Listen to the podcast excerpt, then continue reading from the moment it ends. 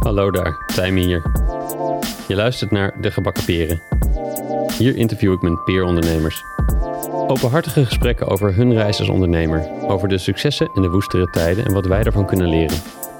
Maar juist ook over de persoon achter het bedrijf, over wat hun drijft en wat hun heeft gevormd en hoe het nu echt voor hen is om ondernemer te zijn.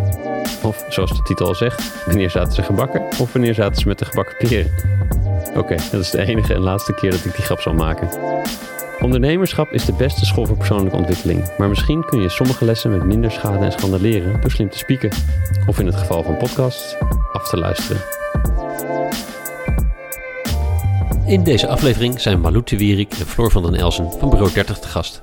Bureau 30 helpt culturele organisaties en non-profits te groeien door de juiste communicatie, door middel van strategieën, campagnes en content. In dit gesprek hebben we het over een gezonde balans vinden tussen werk en gezondheid, wat extra lastig is wanneer je te maken hebt met een chronische ziekte. We praten over steeds dichterbij een eigen definitie van groei en succes komen.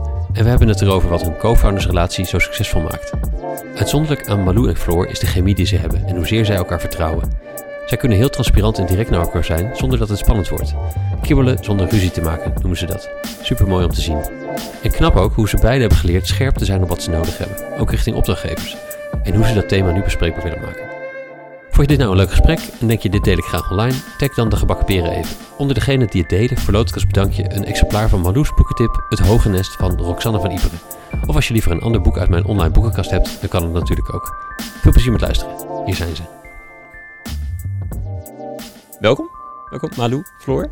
Dank je. Dank jullie hier zijn. Heel leuk. Uh, ik zei het voor, voor de grap van vooraf al. Ik kwam jullie op een gegeven moment bij elke presentatie of elke lancering van iets tegen als, het bureau wat, dat, wat de communicatie gedaan had en wat het, uh, wat het vormgegeven. Ik dacht, dit, nu, is het, nu is het klaar. Nu, moeten we ook inderdaad uh, afspreken. Um, superleuk dat jullie daar tijd voor wilden vrijmaken. En wat ik mooi vond is, Floor, dat jij zei, dit, we zien het ook meer als aan ons bedrijf werkende middagje. meer dan ja shit, we moeten weer twee uur er, eruit en hoe, hoe draaien we die token? Een goed excuus om dat een keer te doen. Ja, precies. Het is voor ons ook wel weer een stok achter de deur om eens uh, nou ja, over ons eigen bureau na te denken. In plaats van dat je maar gaat en gaat en uh, gaat. Dus een soort uh, bedrijfsuitje eigenlijk kun je het wel noemen. ja. Mooi. Hey, ik begin bij gasten altijd een beetje bij, bij het opgroeien. Wat, wat heeft hun gevormd in, in, de, in de ontwikkeling? Um, ik begin een beetje met, uh, echt bij de jeugd. Uh, Malou, zou jij willen beginnen? Ik, was benieuwd hoe, hoe jouw gezinssituatie vroeger eruit zag. Waar je opgroeide. En hoe zag de dynamiek rond de eettafel met ouders, misschien broers en zussen eruit? Ja, ik ben opgegroeid in Raalte. Dat is een uh, dorpje in Overijssel tussen Deventer en Zwolle in. Um, redelijk landelijk gelegen heel prettig opgroeien. Uh, veel in de natuur, veel vrijheid. Uh, ik heb twee halfbroers, die ik altijd gewoon broers noem. Mm -hmm. zijn wat ouder. En uh, twee ouders. En mijn vader en broer zijn ondernemer. Mm. Dus ik kom echt uit een ondernemersnest. Maar ook de generaties boven mij zijn ook ondernemers. Dat, dat, was, dat was normaal bij jullie thuis? Ja. ja, ja. En hoe, en hoe, hoe wat, wat, wat um, resulteert... Nou, hoe, hoe, hoe zeg je dit? Uh, hoe uh, hoe uh, had dat zijn weerslag op hoe de dynamiek dan thuis was? Mijn vader was heel veel aan het werk. Hij had een grafisch ontwerpbureau, dus die was altijd heel druk. En die kon misschien niet zo heel goed zijn grenzen aangeven. dus die tikte soms denk ik wel eens 80 uur in de week aan. Ah, ja. Ik kan me nog wel herinneren dat we dan voor zijn bedrijf stonden om hem op te halen. En dan was het nou, het is nog niet klaar. Echt een hele drukke baan. Um, en ja, het ging er ook wel vaak over. Ik weet nog uh, van vroeger, een tijdje had hij ook het uh, bedrijf aan huis. En dan moest ik altijd opnemen. Hallo Malo Twierik, uh, Art Eco Creative Design. dus dat zit er nog steeds helemaal in. Het, stem, was ik denk het telefoonstemmetje. Ja. ja, toen was ik denk ik acht of zo, weet je wel. Um, ja, de dynamiek aan de eettafel. Bij ons ging het altijd over van alles. Uh, mijn ouders zijn altijd breed geïnteresseerd, maar ook in ons als kinderen. Maar het ging ook veel over politiek, over mm. cultuur. Alles is bespreekbaar. Veel muziek ook. Ja. ja. Hoe, hoe was jij als kind? Oeh, ik denk dat ik als kind twee fases had. De basisschool Malu en de middelbare school Malu. Wat veranderde daar? Uh, ik denk dat ik in de, op de basisschool niet helemaal op mijn plek zat. Uh, ik had heel veel vrienden, maar ik werd ook veel gepest. Mm. Dus dat was een soort van vreemde balans. En ik kwam op de middelbare school en dat was echt een warm bad met geweldige docenten, veel buitenschoolse activiteiten, toneel, debatclub, uh, feestcommissie. En ik bloeide daar echt helemaal op. Was dat nog een bepaald type middelbare school? Nee, normale middelbare school. Er zit maar eentje in Raad. Ja, ja, ja. ja, dat was echt... Uh, ik dacht op de middelbare school leuker dan dit kan niet worden. En wat, uh, wat trok jouw interesse in die tijd? Kunst, muziek. Ik zat in een bandje. Ik speelde toneel. Ik organiseerde heel veel. Uh, veel schoolavonden. Ik stond toen ook al veel op het podium om dingen te presenteren. Oh ja. Dat trok me enorm. Ja. En wat, uh, wat was bij jullie thuis in het gezin belangrijk? Of wat werd uh, gewaardeerd? lekker eten. Ja. Muziek. En vroeger na het eten gingen we altijd in de woonkamer dansen. als klein kind op de voeten van mijn ja. Vader of moeder, later zelf. Uh, sowieso altijd muziek aan. Kunst en cultuur, open naar elkaar zijn. Zei de kussencultuur? Nee, uh, kunst en cultuur. Kunst en cultuur, sorry. Ja, dat is logischer inderdaad. Ruzie durven maken en het ook weer goed durven maken. Mm. Um, denk wel een goede voedingsbodem voor wat ik ook nu doe. Ja, ja. ja. mooi, dank je. Floor? Ja? Beetje dezelfde vraag. Hoe, hoe, hoe uh, is natuurlijk niet verrassend met twee mensen aan tafel dat je dan om en om een beetje gaat, wat we net al zeiden. Maar een beetje dezelfde vraag, ja. Dus um, waar groeide jij op? In Breda. Uh, in Breda. Ja. En hoe, hoe was daar de, de situatie thuis? Nou, heel anders dan bij Malu eigenlijk. Um, heel fijn wel alsnog hoor. Uh, ik ben opgegroeid in Breda, geboren in Maastricht, maar daar wel geteld uh, drie maanden gewoond. Dus heel vaak als mensen mijn paspoort zien, zeggen ze altijd, maar je hebt helemaal geen Limburgs accent. Maar ik kon nog niet praten toen we verhuisd zijn. Um, een gezin van zes, twee ouders en twee broers en een zus. Dus uh, vier kinderen thuis. Dus altijd uh, ja, heel fijn en ook wel een beetje soms vechten voor je plek en de aandacht uh, van je ouders. En ook de jongste, als ik het zo hoor. De oudste. De oudste, ah. Ja, ja dus eigenlijk broertjes en een zusje. Ja, ja, ja, dus de oudste en de wijste. Niet altijd leuk om de oudste te zijn. Echt veel ja, plek moeten bevechten en uh, nou ja, jezelf bewijzen. Terwijl mijn jongste broertje altijd meteen uh, alles mocht, want hè, het was toch al drie keer eerder uh, gebeurd. Mm. Um, en ons ja, heel zelfstandig opgevoed, wel met heel veel liefde. Um, eerst in één huis, toen in twee, want mijn ouders zijn gescheiden toen ik elf was verder helemaal prima. En uh, eigenlijk ook best wel leuk om op twee plekken op te groeien. Gingen jullie dan met z'n vieren uh, om de week van de een naar de ander? Of, of, of halverwege ja, de week? Ja, daar hadden we het laatst inderdaad nog over. Van, we gingen dan, ze wonen gelukkig heel dicht bij elkaar. Dus allebei nog in Breda. En uh, we gingen dan iedere woensdag na school naar mijn vader. En dan in het weekend was het of lang weekend of kort weekend. Dan gingen we of de zaterdag en de vrijdag en dan de zondag. Het was in ieder geval uh, best een hassle eigenlijk als ik het nu op terugkijk. Maar dat ging gewoon helemaal prima. Er was altijd wel een soort van routine in. Ja, ja. Klinkt ook wel een tikje onrustig. Ja, viel eigenlijk wel mee. Eigenlijk hmm. kijk ik helemaal niet uh, zwaar terug op die periode of zo. Ja, natuurlijk, je hoopt dat je ouders vooral samen blijven. Maar het ging, ze hebben ons daar nooit heel erg in betrokken. En het was geen vechtscheiding. Het is eigenlijk gewoon in redelijke harmonie gegaan. Uh, dat is uh, super fijn geweest als puber toen en uh, ook voor mijn broertjes en zusje. En je zei je plek bevechten. Dat, dat herken ik niet helemaal als oudste. Ook zijn de oudste van een gezin van vier kinderen. nou, Hoe bedoel je dat? Meer um, in alles is dan voor het eerst voor je ouders. En daar heb ik mezelf wel in moeten bewijzen. Van, oh ja. Ik weet nog wel dat ik naar middelbare school ging en ik wilde graag naar school dicht bij huis. Maar mijn ouders zeiden altijd iets van ja, wil je niet naar een andere school die wat verder is, maar misschien beter bij je past. Nou ja, dat is dan wel even zo dat ik dacht van, nee, ik wil daarheen. Uiteindelijk ging ik ook, maar ik weet dat bij mijn broertjes en zusje dat veel minder, die waren zo, oh, die gaan daar dan ook heen, veel minder de vraag was. Of nou ja, de klassieke voorbeelden van met uitgaan. Ik mocht tot één uur uit en toen eindelijk een keer tot twee uur s'nachts. En nou, mijn broertje had geen eindtijd, geloof ik. Dus op die manier echt wel uh, het lot van de oudste eigenlijk. Ja, ja, ja op die manier. Ja. ja. En hoe was, hoe was jij als kind? Als kind was ik heel erg verlegen, bescheiden. Misschien nog steeds wel een beetje wat in mij is blijven hangen, maar uh, niet zozeer op de voorgrond aanwezig. Uh, ik hield heel erg van lezen, knutselen. Ik had wel echt altijd veel vrienden, maar nooit uh, ja, timide wat dat betreft. Ja. ja. Wat trok je interesse? Nou, boeken dus. Echt al vanaf jongs af aan en nog steeds. Echt, nou ja, een dag niet gelezen is een dag niet geleefd. Dat is altijd nog steeds een beetje mijn, ja? mijn motto. Um, ik hield ook wel echt van creatief bezig zijn. Dus inderdaad knutselen. En ik weet wel dat ik het vroeger ook al heel leuk vond om naar musea te gaan. En dan ja, dat zou je nu inspiratie noemen, maar toen had je geen idee. Maar ik weet wel dat ik heel vaak dan zei van, dat ga ik thuis ook maken. Als je dan, ja, ik weet niet, in het krullenmulleren van Gogh zag of zo, dan, ja, dat ga ik thuis ook maken. Van, dat je dat toch in ieder geval al voelde. En ehm, dus dat, dat heeft altijd wel een grote rol gespeeld, ja. Ja, dat is een beetje, een beetje pure inspiratie. Niet zozeer dat het functioneel is om, uh, om vervolgens iets anders te kunnen doen en daarmee een opdracht goed te kunnen doen, maar dat je gewoon echt, echt uh, doorgedreven werd. Van, ja, echt als kind nog inderdaad. Ja. ja. Dat komt, dat is wel grappig, want dat komt dus ook, dat, dat wisten we natuurlijk niet van elkaar, maar dat komt heel erg overeen. Ik zat vroeger ook vaak met een boek op de bank, hele bibliotheek uitgelezen, Floor ook.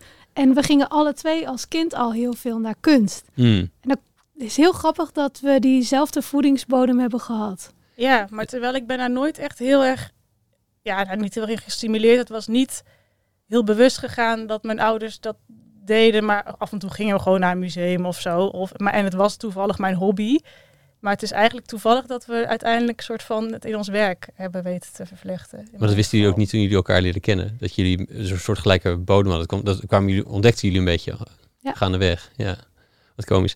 Hey, en um, maar Lou, jij bent, jij bent op een gegeven moment uh, in Groningen gestudeerd, volgens mij, als ik het goed heb ont ontdekt. Uh, goed ontdekt. Ja. ja. hoe, hoe, is je, hoe, is dat, hoe is dat qua keuzeproces en, en naar Groningen gaan? Hoe is, dat, hoe is dat gegaan en hoe beviel de studie? Ja, dat is eigenlijk heel. Was eigenlijk best wel een snelle keuze. Ik was op de middelbare school dus al zeer geïnteresseerd in kunst, cultuur en geschiedenis. En dan kon ik twee dingen doen. Uh, voor mijn gevoel. Ik kon uh, uh, media en cultuur gaan doen in Amsterdam. Ja. Of kunst, cultuur en media in Groningen. Um, maar Amsterdam vond ik echt wel heel spannend. Mm. ik, ik ging er wel eens naartoe, maar toch wel echt een hele grote stad voor een dorpsmeisje. Yeah. En Groningen, um, ja, dat, dat was een makkelijkere keuze, denk ik. Een veiligere keuze voor mij. En op dat moment denk ik ook een betere keuze. Mm. Um, en ik ben ook verliefd geworden op Groningen. Ja. Uh, ik voel me nog steeds meer thuis in Groningen dan in Utrecht. Oh, wow. Het heeft echt, ja, je bent er volwassen geworden. Ja.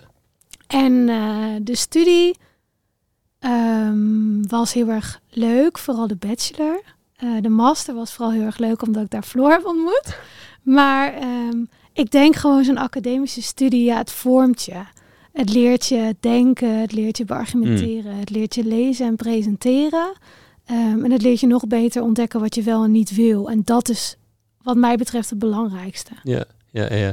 ja jij, jij bent bij de master, jullie elkaar dus ken ik ontmoet. En, maar je, je, bent, je, bent nog, je bent via Utrecht in Groningen gekomen, toch? Ja, ik heb nog even een tussenstopje in Utrecht ja. gemaakt. Of nou ja, nee, eigenlijk is Utrecht mijn standplaats. En heb ik een uh, tussenstop in Groningen gemaakt.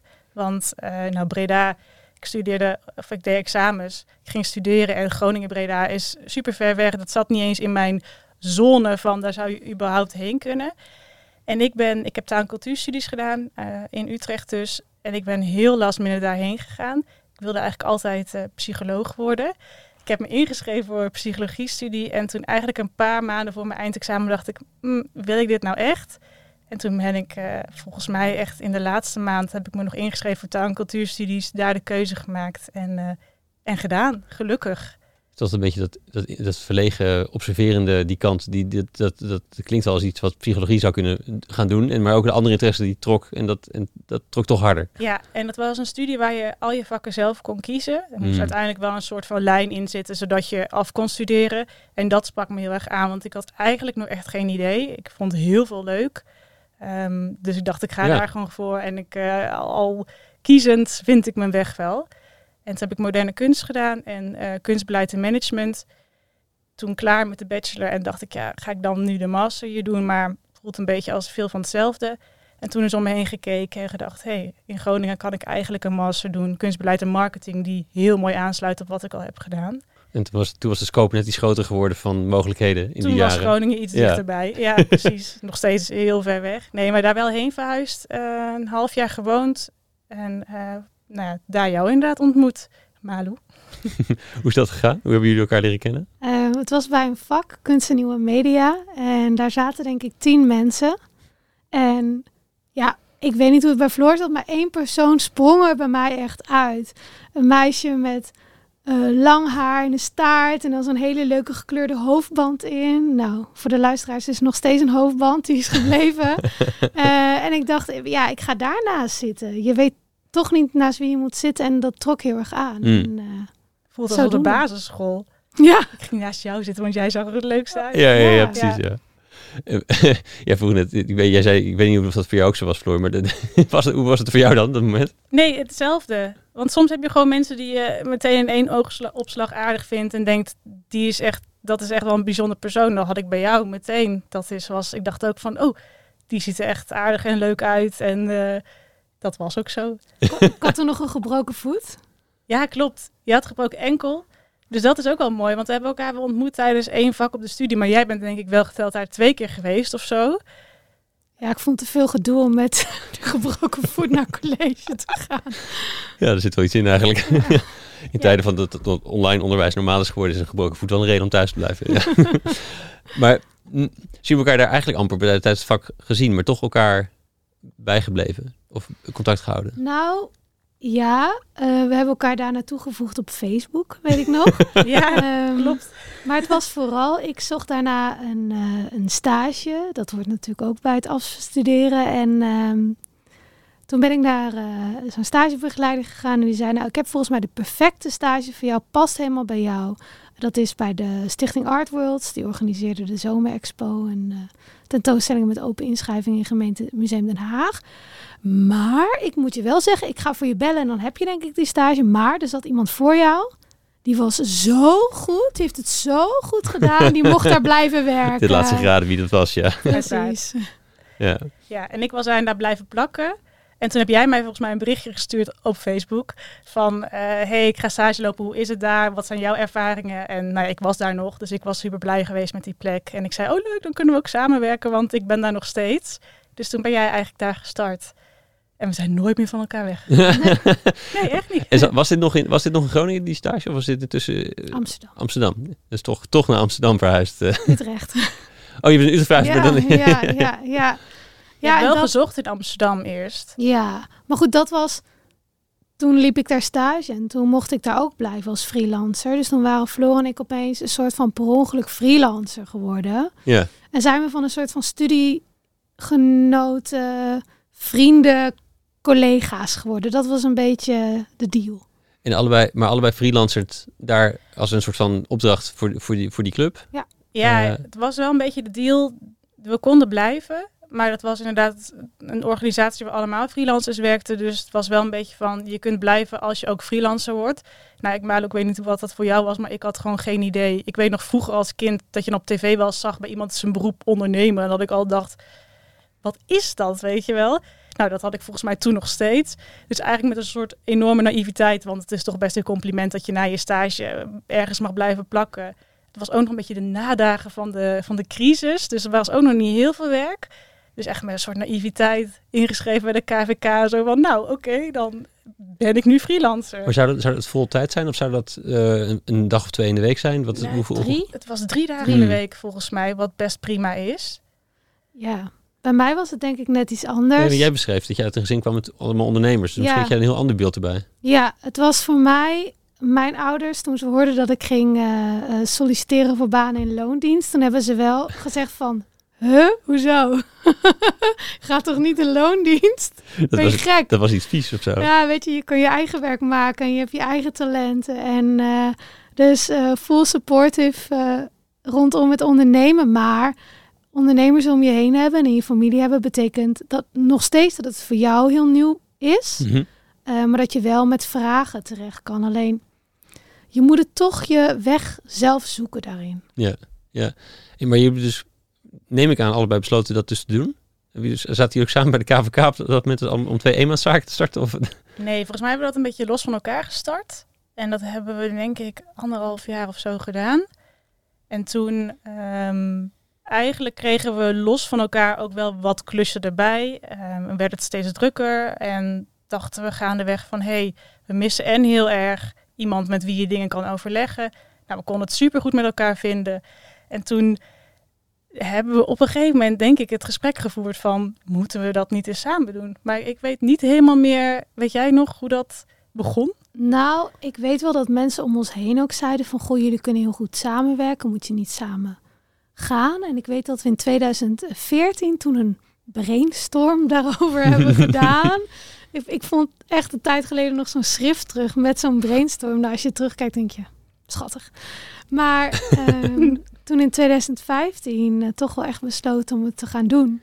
Want wat maakte dat jullie dat toch wilden? Want je had, je had, je had allebei, het is veel simpeler als je het elkaar vindt in een opdracht en elkaar wel kan opbellen en, en toch uh, zo je allebei genoeg klussen hebt. Hè? Dan kan je ook prima allebei zelfstandig. Ja, maar het is denk ik toch in ieder geval hoe ik het ervaarde, gewoon zelfstandig zijn. Ik gebruikte gewoon mijn eigen naam. Ik nam, het, ik nam mijn werk heel serieus, maar dat hele ondernemen wat minder. En ik dacht, als we een bureau hebben, dan ga ik me daar ook naar gedragen. Uh, dus dan wil ik ook, weet je wel, design, een naam en iets, echt iets gaan opbouwen. En uh, omdat we dus ook losse klussen hadden, miste ik gewoon enorm die sparringspartner. Mm. En ook, wij vullen elkaar bizar goed aan. Dus zeg maar, waar bij mij een plusje staat, uh, staat er vaak bij Floor dan een minnetje. En waar wij een minnetje staat, bij, staat bij Floor een plusje. Dus je mist elkaar ook als je niet met elkaar werkt. Mm. Was dat voor jou ook zo, Floor? Ja, maar je moet wel ook een soort chemie met elkaar hebben. En dat hadden we ook wel. Want het is niet dat ik met iedere collega met wie ik ooit heb samengewerkt dacht van... Oh, met jou wil ik me echt wel gaan binden aan iets. Want het is het eigenlijk wel. Je bent, uh, ja, jij bent toevallig uh, onlangs getrouwd. Maar we grapten altijd van wij zijn meer getrouwd dan met onze partners. Want ja, je zit toch maar met elkaar ja, fiscaal, juridisch, alles moet je ineens met elkaar delen. Ja, dan zijn we ook nog vrienden. Ja, ook nog. Ja, want we doen in het weekend ook nog wel eens dingen samen. Ja, dus ja. dat is echt best veel Ja, voor ja, ja. en Malu. Ja, ja, ja. Ja, maar toch verveelt dat nooit. Ja, je zegt ook, die, die, die rationele kant van die plusje minnetjes. Ja, een collega die dat toevallig ook had, dat is dan niet genoeg of zo om, om, uh, om te Nee, vind ik niet. Het is die, een beetje vergelijkbaar ook met huisgenoten. Voor als je nou ja, ooit met huisgenoten hebt gewoond, dat kun je ook niet met al je vrienden. Daar zou ik misschien soms schillend gek van worden. Met huisgenoten heb je ook een soort van speciale band met elkaar vaak. En ik vind dat, dit is al een ander niveau, maar wel een beetje hetzelfde. Van dit heb je echt niet met veel andere mensen. Nee, nee. Ehm, ja, wat, noem het eens. Wat, wat, wat, wat zijn, wat zijn de, de krachten van de een die de ander eh, goed aanvult door, door, door de anders krachten? Nou, ehm, god, we vullen elkaar op heel veel fronten aan, maar Malo die is heel, uh, vind ik altijd heel ontwapenend en enthousiasmerend en kan mensen goed aanzetten en verbinden. Heel eerlijk en open en direct. Um, wat ik hele bijzondere eigenschappen vind, maar ook dat wat ik jou net hoor zeggen van jij groeide op met discussiëren aan de eettafel en je mocht boos op elkaar worden en als je het ook maar weer goed maakt en dat was bij ons, ja, ik ben anders opgevoed, maar dat vind ik echt van die waarden waar ik soms wel eens zo jaloers op kan zijn. Ik van, oh, zo mooi dat je zo ergens voor kan gaan of zo. Dat is heel erg hoe ik jou zie en kenmerk en lief en open naar anderen toe en iedereen zijn waarde laten. Ja, niet dat ik dat allemaal dus niet heb, want dan schilder ik mezelf misschien ook echt af als een vreselijk persoon. Maar wel elementen die bij mij wat minder aanwezig zijn of aankomen waaien. En daarom Mm. zo fijn dat je iemand anders hebt die dat wel heeft. Mm. Ja. Ja, en ehm Floor is geduldig, eh, nauwkeurig, maar kan ook situaties heel goed inschatten en heel goed naar mensen luisteren en daarover nadenken en dan pas wat zeggen, wat super waardevol is. En ja, schrijft fantastisch, dat je denkt, oké, hoe kan je dit bedenken of dit schrijven, maar ook veel beter analyseren, gewoon rustiger in alle facetten. Eh, ehm, en ik denk dat dat heel waardevol is. En je hebt het iets eh, impulsiever? Of, of, Nou, enorm impulsief. Oké, ja. En zij kan mij ook echt terug. En soms dan, eh, ik ben ook wel eens boos. Ik ben, weet je, ik ben echt wel een beetje impulsief. En dan, eh, dan hoor ik Fleur ook even rustig nadenken. Misschien pas die mail de volgende dag sturen. En dat is ook heel waardevol. Ehm, maar ja, waar, waar we elkaar in vinden is denk ik ook. Er zijn ook heel veel dingen die we ook heel erg hetzelfde Ja. hebben. Eh, lol maken, ad rem zijn, talig zijn. Eh, onszelf niet zo serieus nemen. Het werk wel. Het werk is super belangrijk, dat nemen we serieus, maar onszelf niet zo. En Mm. er voor elkaar zijn. Da daar, we, we delen denk ik dezelfde normen en waardeset. En sommige kwaliteiten komen bij mij wat meer bovendrijven en de andere bij Floor wat meer. ja, en qua karakter zijn we ook wel echt verschillend. Ja, om- en op een manier dat jullie wel allebei de, ka- de dingen die je heel goed kan, extra goed naar voren kan laten komen. Ja. Ik denk ook wel dat we ons daar een beetje naar zijn gaan gedragen. Dat deze, dat nu kunnen we dat heel goed voor onszelf definiëren. En toen we begonnen, wisten we het al wel, maar gingen we het nog soort van onderzoeken. Dat langzaam ook in het werkende leven we daar ons wel een beetje naar gevoegd hebben. Uh, dat ieder zijn kwaliteit ook gewoon wel benut. In het begin deden we misschien nog wel veel dingen allebei. Ja. Terwijl de een dan daar beter in was dan de ander. Ja, hoe zijn jullie daar, hoe, hoe zijn jullie daar vanaf gestapt dan? Want het, het, ik kan me heel goed voorstellen, dat zou ook mijn neiging een beetje zijn, om in het begin dan toch bij alles te willen zitten. Ja. Van, van Ja. wat, omdat het toch van allebei, het, het, het, het nou kindjes overdreven, maar eh, toch, het is allebei, het, van jullie, het, het is van jullie allebei. Dus je wil het ook, ik zou er graag op heel veel dingen willen zitten. Ook al is die andere daar beter in op dat moment, weet je wel. Dus, Ja, maar ik denk, we hebben best wel vaak, of best wel vaak, soms zouden we het ook vaker moeten doen, maar we hebben regelmatig ook wel gesprekken van wat vind jij nou leuk om te doen? Van welke opdrachten krijg jij energie? En bijvoorbeeld een communicatieplan schrijven of een strategie. Ik word daar niet zo gelukkig van. Ik denk direct aan een scriptie of zo. Ik vind dat gewoon niet zo leuk en ik ben er ook niet zo goed in. Maar dan die brainstorm vooraf om dat te definiëren en de creatieve ideeën. En daarna ook feedback te kunnen geven van daar word ik wel heel blij van. Of nou ja, jij, als jij op een podium moet staan en een verhaal moet doen, dat kan je hartstikke goed, maar je vindt het niet leuk. Dus waarom zou je het dan doen? Als je het, als je het ook gewoon aan iemand anders kan overlaten die ja, dat heel goed kan. En dan moet je elkaar loslaten en vertrouwen hebben. ja, ja.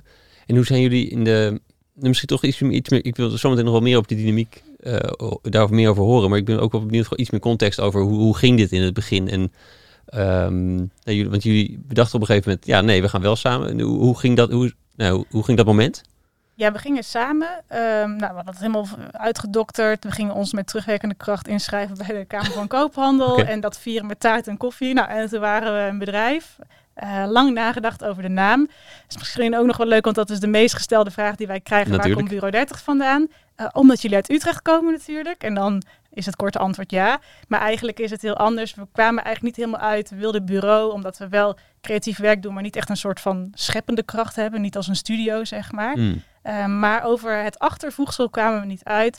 Toen uiteindelijk, ik ben op 13 juli jarig, Maluk op 17 maart hebben we 13 plus 17 gedaan. Heerlijk dit. en toen kwam er 30 uit. Toen dachten we, nou, dit klinkt wel eh, volwassen. Wel niet te jong, niet te oud. Laten we dat, eh, laten we dat doen. Ehm, En jullie noemen jullie ook dertigers. Dus dat zag ik echt staan in de tekst. Dat, eh, ja, dat- waarschijnlijk. Hoewel wij de enige van ons bureau zijn die dertigers zijn. De rest is allemaal jonger. Ja, Ja, en wat gebeurt er als jullie geen dertiger meer zijn? Dat is het, dat duurt nog heel lang. Ja, ja, ja nee. Maar dat misschien is eh, voor de toekomst. Nee, nee. dus zo, ja, nee, ik hou al van dit soort, eh, dit soort inside jokes. Ja, nee, dus dat. eh, nou, toen zijn we dus gestart.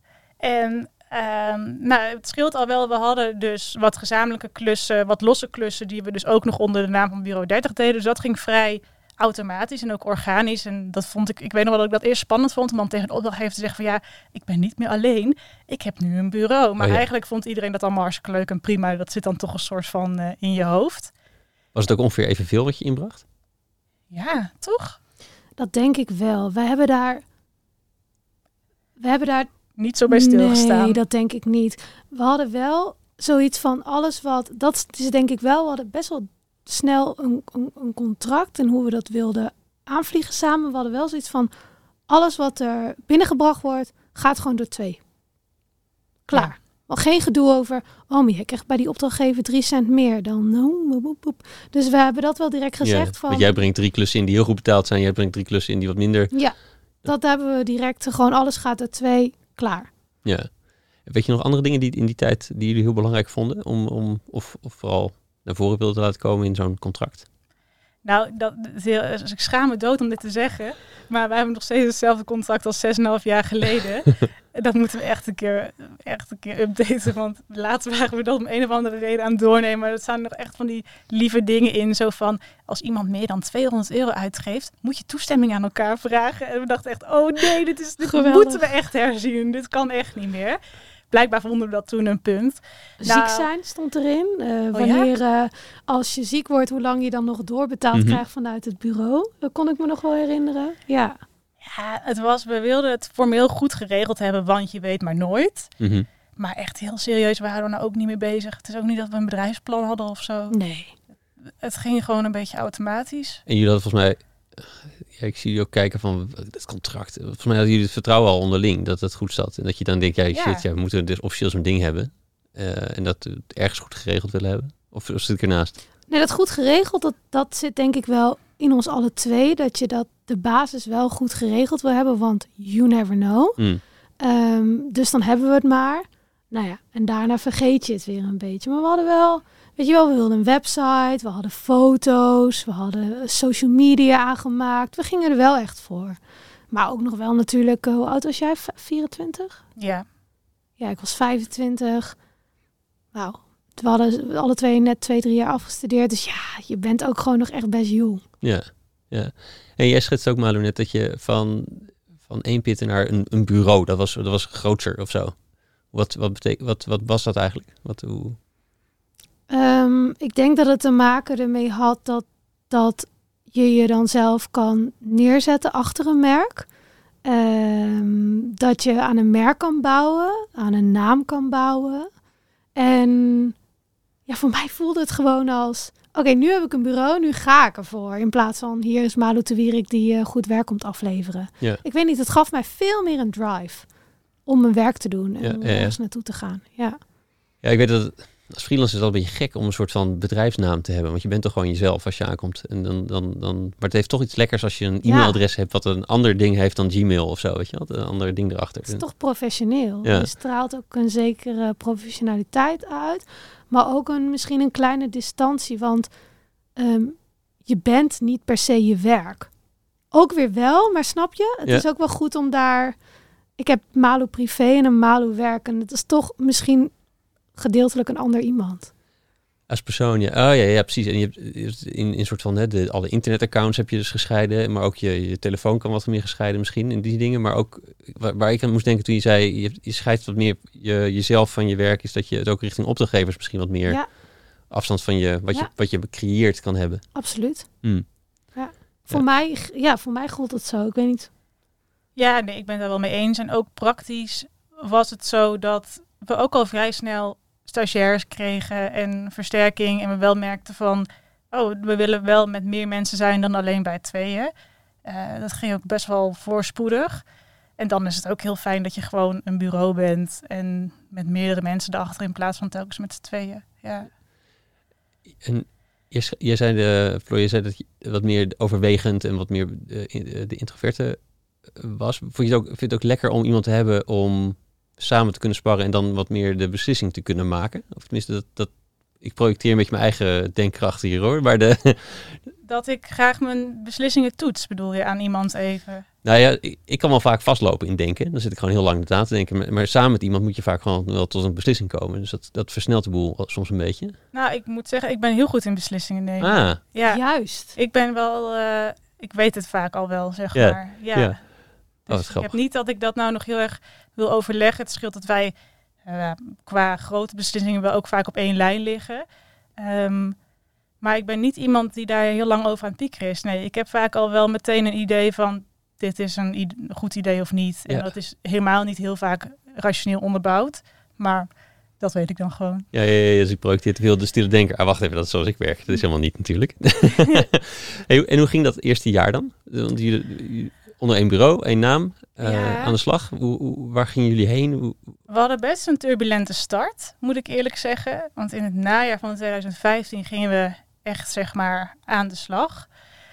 En we kwamen al wel best wel snel eh, op ehm, nou ja, interessante dingen op ons pad. Onze eerste stagiair die we hadden, die eh, nou, vond het natuurlijk heel spannend, want die ging meewerken. Nou, na drie weken zei hij ineens, ik eh, stop ermee. Ik Oh. wil toch een baan. Nou, dat was super kut. Zaten we ineens eh, zonder stagiair. En ook dat we dachten, nou leuk, was dit het dan? Met, met veel bombarie aangekondigd ook. Uiteraard, Ja. Tuurlijk. natuurlijk, want dan ben je super blij. Ehm, nou, we hadden ook meteen een eh, financieel conflict met een eh, opdrachtgever waar we niet uitkwamen. Nou, we waren natuurlijk ook hartstikke bleu en we hadden geen idee.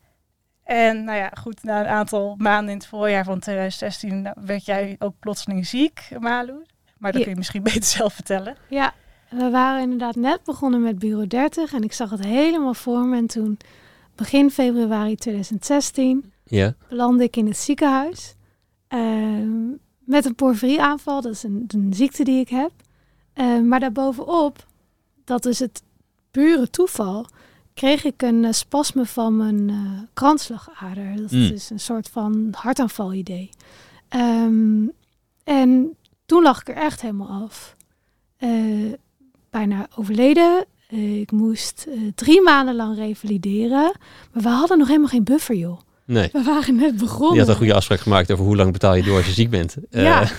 Ja, dus dat was wel echt, want ik kon echt niet werken in het begin. Nee. Ik kon helemaal niks. En toen hadden we ook nog, eh, ehm, ja, dat, dat overkwam ons. Je hebt geen idee. Eh, maar we konden een beetje met, met facturen uitschuiven en verdelen, konden we dat ehm, managen eigenlijk. Ja, achteraf was het fijn dat we nog in de begintijd zaten. We hadden nog niet zoveel verantwoordelijkheden. We hadden een werkplek, huurden we ergens, maar we hadden geen vaste lasten die heel hoog waren. Dus, en het was, ja, wat ik zeg, we waren natuurlijk wel serieus, maar het was nog niet zo groots en duurzaam als dat het nu is. Nee. En dat heeft denk ik achteraf, was dat eigenlijk bij toeval wel heel fijn. Dat Want- was de perfecte timing. ja. ja, Ja. Voor zover, voor zover zover zoiets het kon. perfect kan zijn. echt heel raar, ja. ja. Ja. Maar Maar we houden dus wel even een moment, want het, het, eh, het ook, er ook bijna afliggen is wel even, misschien, nog los van dat je die, ehm, eh, die porphyrie hebt, ehm, het is ook echt wel een, heftig moment om gewoon qua, qua levensfase en in, in wat, wat, wat had dat dan voor betekenis? Nou, het zet je heel erg aan het denken. Ehm, hoe richt ik mijn werk? Hoe heb ik mijn werk ingericht en hoe ga ik dat anders doen? Ja. Eh, want bij mij is stressreductie heel erg eh, belangrijk. En Ja. ondernemen en stress, dat is natuurlijk een hele interessante balans. Ehm, dus wat ik heel erg merkte, wat, wat ik deed, maar ook wat Floor en ik deden, is eh, in het begin ben je zo eager. Hè? Je wil altijd er voor die klant zijn, altijd bereikbaar zijn. Dus in de culturele sector hebben mensen ook de neiging om eh, soms later op de avond te bellen. Mm. Eh, en dat je dan denkt, oh ja, ik moet direct een mail beantwoorden. Daarna hebben we best wel snel gezegd, we werken, we zijn bereikbaar tussen negen en eh, half zes. En eh, behalve als er echt iets helemaal mis is gegaan, natuurlijk. Maar daar houden we het ook bij. En we werken niet in de avonden en we houden gewoon weekend. Ja. Tuurlijk is er soms af en toe iets in het weekend, maar ja, dat is belangrijk. En, en, en het is niet de moeite waard om alles te laten leiden door je werk. Nee, en, en, dat, en dat kon. Je zegt inderdaad, de cultuursector is natuurlijk wel eigenlijk vaak een avond of een weekend. eh, veel, veel die tijden. En dat, Ik denk als jij eh, grenzen aangeeft als ondernemer, dat mensen dat echt respecteren. mm, En als mensen dat niet respecteren, dan komt het vanzelf wel. ja. Ja. En waar merk je het aan als het eh, lichtjes aan te veel begint te worden? Hè? Kun je ook een beetje aanvoelen dat je te- wanneer je richting die grens gaat? Nou, ik heb er de laatste tijd niet zoveel last van. Maar kijk, wij gaan heel vaak eh, nog steeds over die grens of zoeken die grenzen op. Want Nou ja, onze grens, ik weet niet of we er overheen gaan, onze grens ligt ver. ja, Hoe zeg je dat?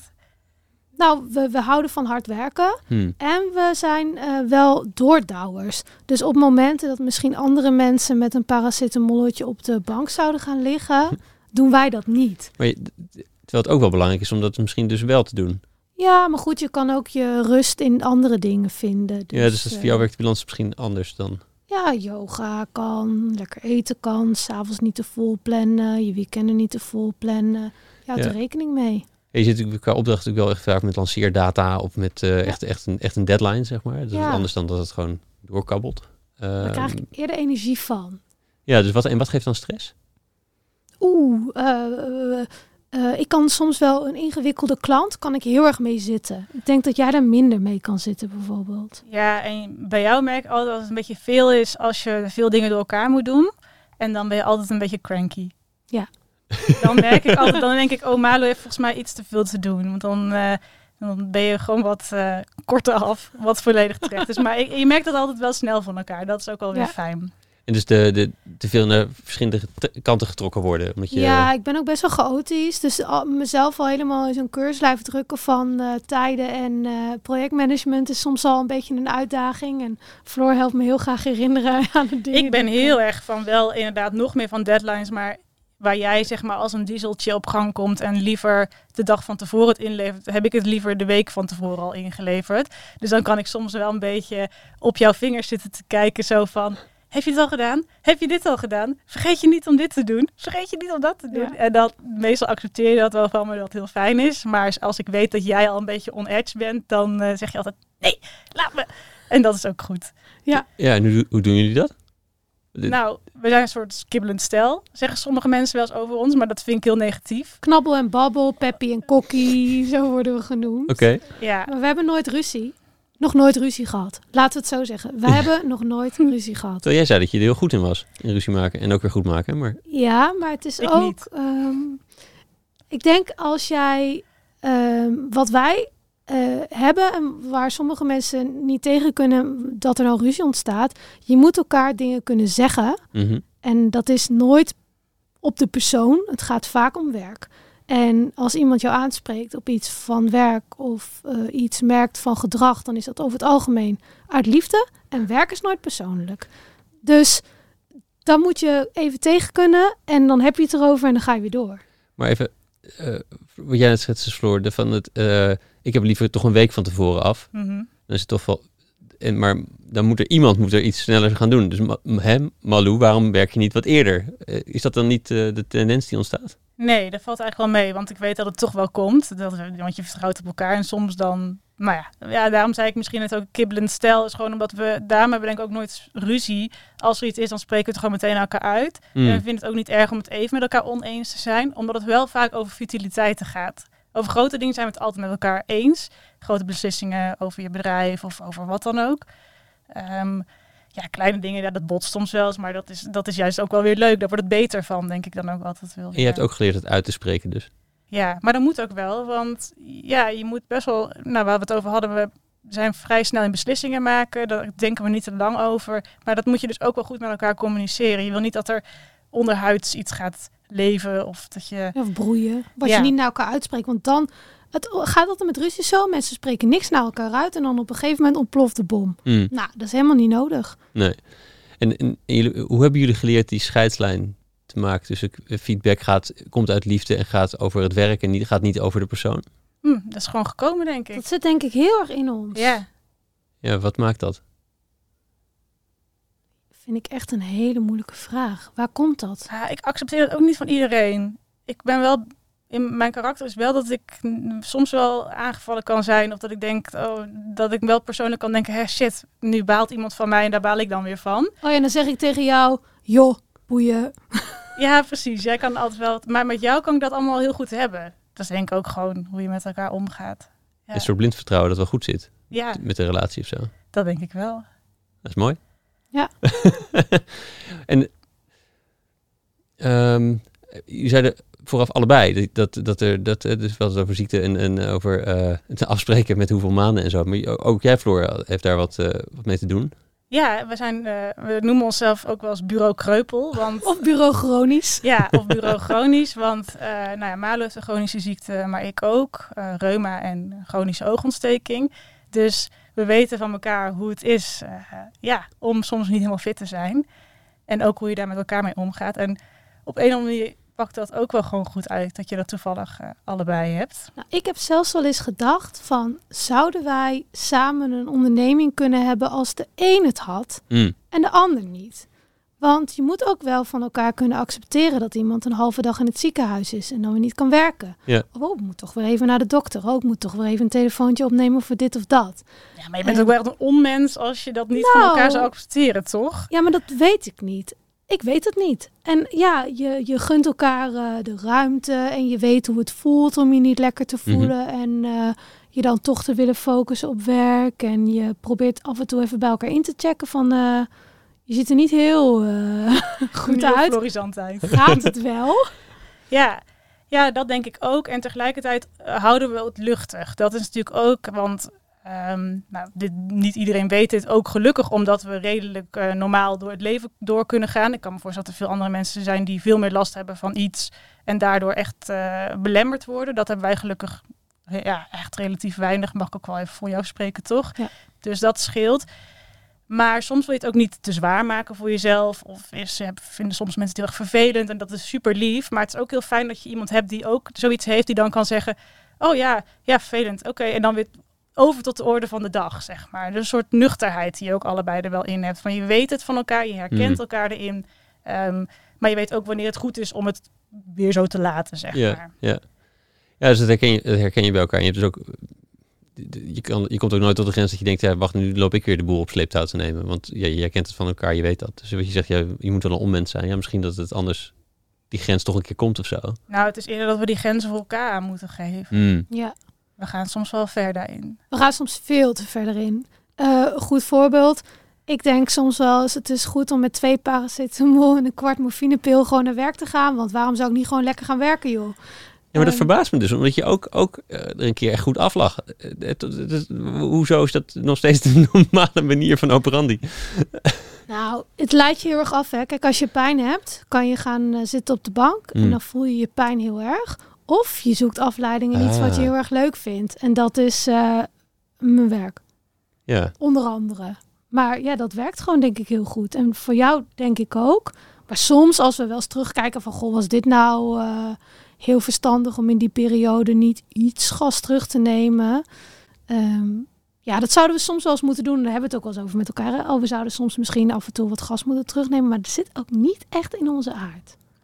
Nee, en er zit wel in ons aard dat we denk ik ook wel echt weten wanneer we te ver zijn gegaan. Want we zeggen Ja. wel over onze grenzen heen, maar ik weet wel zeker dat als echt serieus is aan de hand is, waardoor je denkt, nou, of het nou fysiek is of, of ooit een keer iets anders, dat je wel weet van, ik weet van mezelf, als het echt niet meer kan, dan, dan stopt het ook en dan weten we dat van elkaar. En dan werkt het op een of andere manier ook wel weer. En je zei, je moet ook accepteren eh, dat iemand er zomaar een halve dag uit ligt. En zo. Is dat iets waar, waar jullie nou ja, bijna preventief of proactief vooraf al rekening mee houden dat dat het geval zou kunnen zijn? Een soort van in lucht inbouwen in de planning? Of is dat eh, te veel gevraagd? Nou, luchtinbouwende planning, dat doen we echt nooit. Dus we zijn nog steeds wel een keer. Dus, maar ja, dat geldt eigenlijk voor iedereen in elk bedrijf, toch? Kijk, je kunt ook eh, even afkloppen, ergens eh, vanaf vallen en dan er ook uit liggen. En dan heb je het misschien ook niet helemaal geregeld, zeg maar. Je kan niet rekening houden met het leven in ondernemen. Nee, ja, goed. Je kan, je kan ehm, een extra, als, als je met een groep werkt, één extra inplannen, zodat, omdat je weet, er is altijd één van die vijftien is ziek. Of je kan, ik weet dat, uh, uh, Snijboon zeiden ook, eh, zorg gewoon dat we de hoeveelheid werk nooit zoveel laten worden, dat we niet meer op een manier kunnen werken die we chill vinden. Dus dat het ook, nou, dat is een je een soort van slack in de system. Een soort van smeerolie blijft er over aan, aan tijd die, uh, nou, als het misgaat, kan dat. Nou, die tijd hebben we. Nee, die, nee, dat uh, denk ik niet. Maar het gaat over het algemeen heel goed, dus dan is het ook niet nodig. Nee. Nee. Ja, we gaan dan, er gewoon Dan vogelen voor. we het wel weer uit, denk Precies. ik. Precies. We gaan er voor. En ik denk dat het exemplarische voorbeeld is dat het altijd goed komt en dat dat ook onze houding is. Dus dat toen ik een beetje aan het opkrabbelen was, zo in Mhm. 2016, toen ging Floor ook nog eens uh, drie weken op vakantie naar Vietnam. Dus toen werkte er Verschil even... moeten zijn. ja. Dus de toen- een eruit voor het een, dan voor, Ja, voor de ander. Ja. ja, is dus goed voor je reuma's. Ja, ja, heerlijk warm. Ja. Dus toen werkte er even helemaal niemand. Maar toen kon ik wel weer eh, wat, wat, wat gesprekken voeren met potentiële klanten. En nou, zij was best wel ver weg. Dus eh, ja, ik was het gewoon aan het doen. En eh, dat ging helemaal goed, joh. Ik had opeens drie nieuwe klussen binnengehaald. Toen kwam Floor terug van vakantie. Toen zei ik, ik ben er weer. En ik kan je wat vertellen. We zitten rammend vol. en vanaf toen zijn we echt gaan vliegen. We hadden echt binnen een paar maanden hadden we een kantoor. We hadden twee stagiaires. En binnen een jaar hadden we iemand aangenomen. Dus Mm. het is ook, neem het zoals het komt. En, en ga ervoor. Mm. Ja, dat is denk ik wel echt onze houding. Ja, en ik denk ook wel omdat we al heel vroeg hebben meegemaakt. Jij lag er drie maanden uit, dat, dat, dat is best ingrijpend. Maar dat is ook goed gekomen op zijn pootjes terecht. Ehm, dus wat dat betreft denk ik ook wel, ja, het komt wel goed. Net dat zo benaderen we eigenlijk heel veel in ons bedrijf. Van, natuurlijk moet er shit geregeld zijn. Maar eh, ja, wat we volgend half jaar doen, geen idee. Maar dat komt wel goed, want dat weten we inmiddels wel. En anders dan regelen we wel weer iets. Ja, onze lijfspreuk is ook, het is wat het is. Ja, ja, mooi hè. Ja. En maar jij kwam ook echt uit een, uit een gezin met ondernemers. Misschien dat dan die, die lijfspreuk van, van oké, het komt wel goed. Want het is, je, je, je kan je eigen werk creëren. Ehm, zit misschien wat meer in. Heb jij dat toen geleerd, Floor? In die periode? Of had je- zat het ook al in je? Nee, dat zat wel in me. Ik kom helemaal niet uit een ondernemersgezin. Ehm, maar, nou trouwens, zeg ik nu, mijn opa had wel een eigen meubelzaak. Maar goed, het was niet dat dat nou een enorme rol speelde in mijn leven. Eh, maar ik ben wel heel erg met een soort van positivisme en nuchterheid opgevoed. Zo Ja. van, ja, probeer gewoon, doe gewoon je best, ga ervoor, heb plezier. ehm, en anders dan komt het ook wel goed. Dus dat is, heb ik wel heel erg vanuit huis uit meegekregen. Zit denk ik ook wel gewoon in mijn karakter. Dus eh, ja, alleen maar fijn om dat nu ook op je onderneming toe te kunnen passen. Ja. En jullie hadden dus wat, wat de valkuil die volgens mij veel mensen die een studio worden of, die, of een bureau hebben, maar de, de freelancer die opeens een personeel krijgt of medewerkers krijgt en een team eronder, dat, dat, dat, dat die opeens eigenlijk drie beroepen tegelijkertijd moet uitvoeren van uitleggen, aansturen, coördineren en ook een organisatie runnen, terwijl je ook nog veel meer sales moet doen, terwijl je eigenlijk zelf gevraagd werd het werk te doen. Hoe heb je dat uh, nou ja, ondervangen bijna? Nou, dat is ook een um, ingewikkelde balans. Uh, we hadden wel heel snel daarin een, een wat natuurlijkere verdeling. Uh, dus Floor zit wat meer op de financiën. Dat is ook heel verstandig. um, en ik zit wat meer op het personeel. Dat, dat ligt mij wat meer. Um, we hebben een periode best wel wat mensen gehad. Zaten we met, met z'n negenen om, wow. uh, om de ja. lunchtafel. Ja. En we zijn nu met z'n vieren mm. in totaal. En dat heeft ook wel precies een reden wat jij zegt. Dat je je realiseert dat je uh, opeens als een wat groter bedrijf, dat je heel veel aan het checken bent. En ik had heel veel van die uh, gesprekjes met personeel en dat is heel leuk. Maar je moet je wel realiseren dat dat je rol wordt. En dat realiseer je pas als je het aan het doen bent. Van hey, is dit nou echt wat voor ons om dat zo te laten uitbouwen en meer op het regelen en het aannemen en het aansturen te zitten? Of willen we ook zelf nog met onze voeten in de klei staan? Ja, en wanneer was dit? En wanneer, hoe realiseerde je dat? Gaandeweg. Dit is, speelt denk ik net voor corona, denk ik. Dat we met veel waren. Um, maar inderdaad, wat jij zegt, je wordt in het begin gevraagd om zelf dingen te doen en de dingen doen die je leuk vindt. En ineens moet je daar soms afstand van nemen, maar je wilt ook blijven doen. Tegelijkertijd is het, nou, vereert het me nog steeds super erg dat mensen bij iets willen werken wat we toevallig zelf verzonnen hebben, voor mijn gevoel nog steeds. Dat je echt denkt van, oh mijn god, mensen willen hier werken en we kunnen mensen ook betalen en in hun levensonderhoud onderzien. Nou, vind ik echt nog steeds geweldig en uh, ja, word je toch een beetje stil van nog steeds. En dus het is ook ego-strelend. Je groeit, mensen willen je opdrachten geven, mensen willen bij je werken. Dus je bent denk ik ook heel snel geneigd om te denken, dat gaan we allemaal doen. Meer, meer, doen. meer. Ja, dat is een beetje het beeld van succes, wat, wat, wat hoort van of zo. groei en succes, zeker. Ja, en dat, dat vinden we eigenlijk jammer. Want Hmm. soms kan groei ook in heel andere dingen zitten. Want we hebben, nou ja, we zijn niet gegroeid op bepaalde andere aspecten. Ik zeg even, eh, denken aan onszelf of aan ons bureau. ehm, beslissen waar we heen willen. Ons niet te veel laten leiden door klussen, maar ook eens pas terug te nemen te denken, wat willen wij nou echt? Is dit de richting die we op willen? En dat zijn dingen waar je soms wel een beetje aan voorbij gaat op het moment dat, dat je aan groei, groei denkt, meer, meer, meer. Ja, en ik denk ook nu zit de groei weer heel erg in uh, de klanten binnenkrijgen die, die je wil. Mm. En uh, ik kan wel zeggen, wij hebben nu de klanten die we willen hebben. En we krijgen ook over het algemeen betaald wat we betaald willen hebben. En dat is ook groei. Dat hoeft niet alleen maar in meer personeel. En dat is denk ik wel, uh, ja, wat Floor ook al zegt, echt jammer dat mensen ondernemen. Vaak zien de wij kregen echt zoveel complimenten van zo zijn jullie al met zoveel mensen. Wow, dikke duim. Yeah. Terwijl, ja, oké, okay, echt hartstikke leuk. En we hebben dat ook echt als heel erg leuk ervaren. Maar groei zit ook echt in andere dingen. En zo zouden mensen ook wel eens naar ondernemers uh, moeten kijken. Het is niet alleen maar lineaire groei. Ja, ja het zit op meerdere vlakken en zo. Ja. En, en, en wat realiseerde dat je, je noemde net een paar dingen die je belangrijker begon te vinden. Zijn er nog meer die je realiseerde van in het bedrijf, in hoe wij willen ondernemen, is wat is belangrijk geworden? Belangrijk is geworden dat we nog meer doen wat we zelf willen doen. Want ja, eerlijk is eerlijk, mensen verheerlijken het ondernemerschap vaak wel in, nou, inclusief wij zelf. Van dat je denkt van, oh, dan heb ik vrijheid, dan kan ik mijn eigen tijd inplannen. Nou ja, dat op een gegeven moment werd dat echt verleden tijd. Ook omdat je een soort van verantwoordelijkheid hebt. Um, Voor die negen man. Of exact, zeven anderen. Ja, ja. exact dat. Um, dat zijn wel dingen waarvan we nu denken, oh, dat is... Uh, uiteindelijk zijn we wel gaan ondernemen omdat we ook dingen doen die wij willen doen. En niet het idee hebben dat we nog steeds voor een onzichtbaar iemand werken. Of eigenlijk voor onszelf werken. Ja, dus dat vind ik wel iets uh, wat we gaandeweg geleerd hebben. Ja, en ook als je meer mensen hebt, dan ben je ook de hele tijd bezig met... oké, we moeten genoeg binnen, klussen binnenhalen om iedereen te kunnen blijven betalen. Maar ook zodat zij aan het werk kunnen blijven.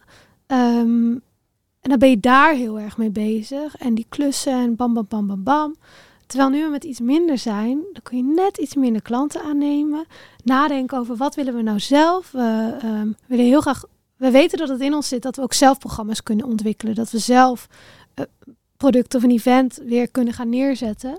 Uh, maar daar moet je wel de tijd en ruimte voor hebben in, je hoofd. En om ons nog meer op de inhoud te richten. Um, dus dus dat, dat, dat opent dan weer. Ja, of natuurlijk, als je nog groter bent, zet je er een manager tussen. Maar dat, dat willen we helemaal niet. Nee, nee. Niet meer. Ja. Dat hebben we gerealiseerd eigenlijk. Want ik zei een paar jaar geleden nog, ik wil 15 man. Ja, jij was wel enthousiast. Ja. ja. ja. 15 man. Ja, dan ben je dus echt klus ook aan het aannemen die soms misschien liever niet zelf wilde doen, maar die, die heeft het toch gewoon omzet even nodig. Ja. Dat, uh, dat niet. Maar en, dus, en die neemt dus ook genoegen met dus bepaalde klussen of klusgroottes of hoeveelheid, hoeveelheid of uh, nou, misschien ook hoeveelheid impact of, of voor bepaalde partijen werken wat minder te doen? Nou, ik denk wel, want we werken natuurlijk vooral in de culturele sector en de non-profit hoek, dus overheden, semi-overheden, al dat soort partijen. Mm -hmm die passen heel erg bij ons, omdat we wel heel erg van een persoonlijke manier van werken houden. Ik zou het heel jammer vinden als, bedoel, verder niet negatief naar andere bedrijven bedoel, maar het past niet bij ons om een projectmanager ertussen te hebben en je hebt zelf geen contact meer met degene voor wie je iets aan het maken bent. Wij vinden het altijd heel belangrijk om het met een klant te doen, dat het echt een samenwerking is. Um, ja, dat houdt wel in dat je nog veel zelf ja, gaande dingen aan het doen bent. Um, en dus soms ook wat kleinere, ja, wat kleinere klussen. Ik vind het altijd een beetje klein, groot. Wat betekent het? Um, maar ik zou het jammer vinden als we uh, zelf helemaal niet meer betrokken zijn bij de klanten en het werk dat we doen en waarom we dat met deze mensen doen. Dat je eigenlijk nee. niet weet met wie je nou werkt of voor wie je nou werkt. Nee, maar het is zeker ook niet kleiner. Ik denk dat uh, um, het is heel duidelijk waar we op ons richten. Absoluut niet MKB. Dus de grote kunstinstellingen zijn het. eh, de grotere bedrijven werken veel voor de Rijksoverheid ook. Ja, ik zeg wel eens, gepiel in de marge hou ik niet van. Het moet groot zijn en wel met impact en van de inhoud en leuke klanten. Maar je kan met minder soms wel meer doen. Hmm. Ehm, en dat, dat, dat zijn we denk ik nu alweer aan het doen. Hey, je zei je zei het in de cultuursector ook inderdaad, maar de, die, die lag behoorlijk op zijn gat de afgelopen anderhalf jaar. Is Hoe was de impact daarvan op jullie?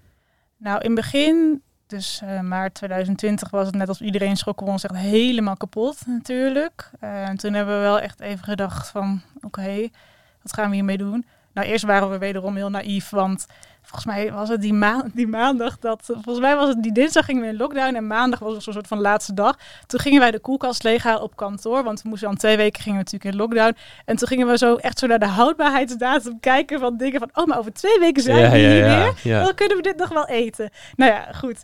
Dat gebeurde dus niet. En in het begin waren we echt wel geschrokken. Eén collega van ons zat ook nog in Japan. We hadden maar de vraag of hij terug kon komen. Want ja, er was tijdens zijn reis ook ineens eh, corona. Nou ja, wel echt even... Shit. Maar eigenlijk zijn we gewoon een soort van door blijven ademen. En hebben we gedaan wat we altijd al deden. En dat heeft heel goed uitgepakt. Wat een onbewust goede keuze is geweest. Dat we eigenlijk het jaar daarvoor onze eh, scope hadden uitgebreid. Van alleen de cultuursector ook naar non-profits. Oké, Dat paste heel goed. Dat leek ons leuk. En nou, ja, daar hadden we best wel wat klussen in. En daar was het effect minder groot dan op de culturele sector. de Rijksoverheid eh, die je net noemde zit daar ook eh, bij. Ja. Gemeentes, provincies. Ja, ja. En kijk, ik, het was een hele gekke tijd. Er vielen natuurlijk wat workshops en events weg. Maar wat het voordeel is aan, aan communicatie, heel veel organisaties gingen ook nadenken. Oké, nu mijn tentoonstellingen wegvallen of mijn dagelijkse werk. ja. Er is nog corporate communicatie, dat kunnen we op orde brengen. We kunnen dit op orde brengen. Ehm, we kunnen ook online dingen doen. hey, Bureau 30. Dus we hadden best wel het ehm, geluk dat er heel snel, ehm, vanaf mei eigenlijk weer, heel veel werk onze kant op kwam. Vanuit allerlei verschillende hoeken. Ook nog steeds de culturele sector. En ook eh, vanuit de overheid Ja, en profit. Ja. En hadden jullie daarvoor al de keuze gemaakt om dus een beetje terug te schalen in grootte? Of is dat, is dat, eh, is dat een beetje gaandeweg Toen gebeurd? waren we nog met eh, best wel wat eh, mensen. Ja, zes of zeven Ja. geloof ik. Ja. Is dat, is dat hoe zeg je dat, eh, natuurlijk gekrompen? Of is dat, is dat, moesten er ook is- altijd nog wat lastige keuzes? Nee.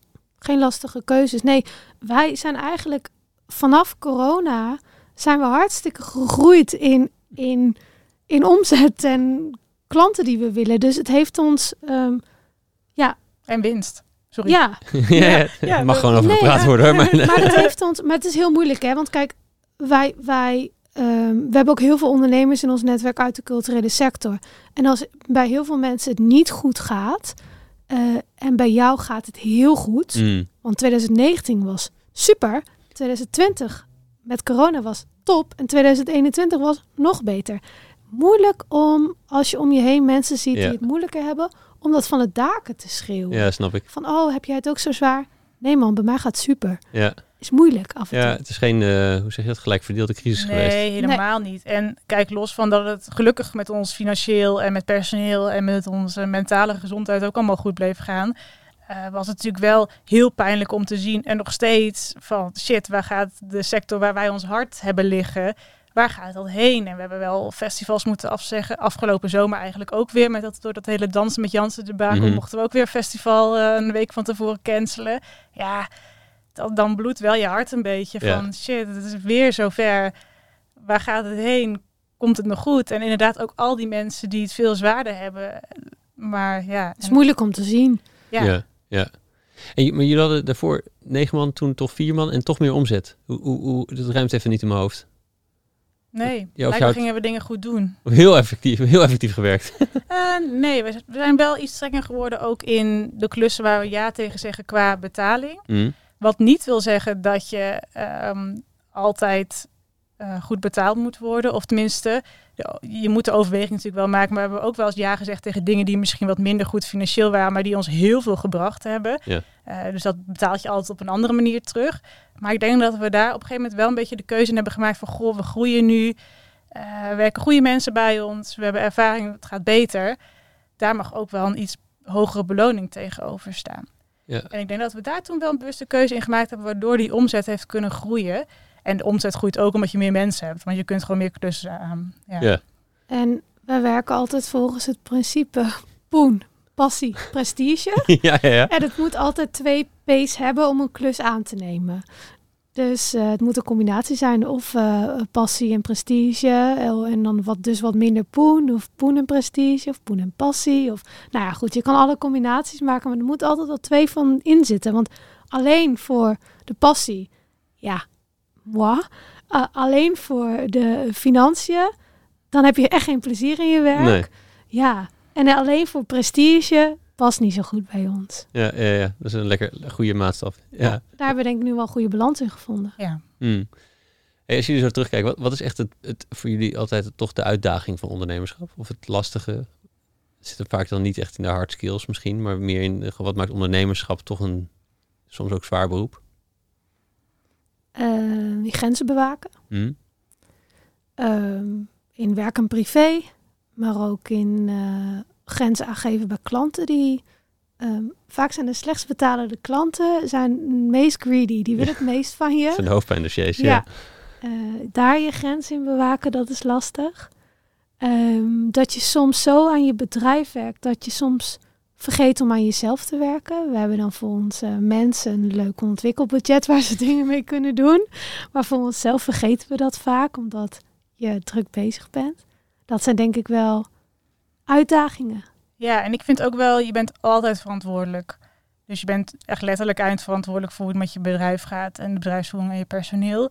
Ehm, maar je kan nooit eens zeggen van, oh, ik, laat me even lekker waaien. Het geld komt wel op mijn bankrekening, het zal wel. Dat zit ook echt niet in ons. We zijn ook wel echt heel verantwoordelijk. Maar soms vind ik dat ook wel, dat ik denk, oh, ik zou ook wel eens willen dat ik dan minder was. Dat je gewoon eens even, oh, ik zie het wel en eh, Laat maar waaien. laat me even waaien, zeg maar. Ja, Dus- ja.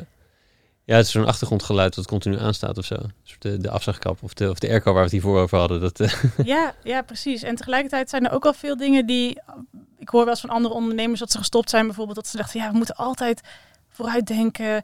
En je moet eh, altijd weten welke klus je hebt. Dan ben je heel druk, maar dan moet je al in, in de toekomst kijken wat je Mhm. dan aan het doen bent. Maar dat zijn niet de dingen die ik heel erg als vervelend ervaar of zo. Helemaal niet eigenlijk. Nee, maar dat is ook omdat we vaak niet weten wat er over een half jaar op ons pad komt. Omdat, ja, die klussen komen binnen. Soms stuur je er zelf een beetje op. Maar het is ook wel lekker omdat we niet helemaal zo ver vooruit gepland hebben. We hebben ook geen vijf jaar of tien jaar plan.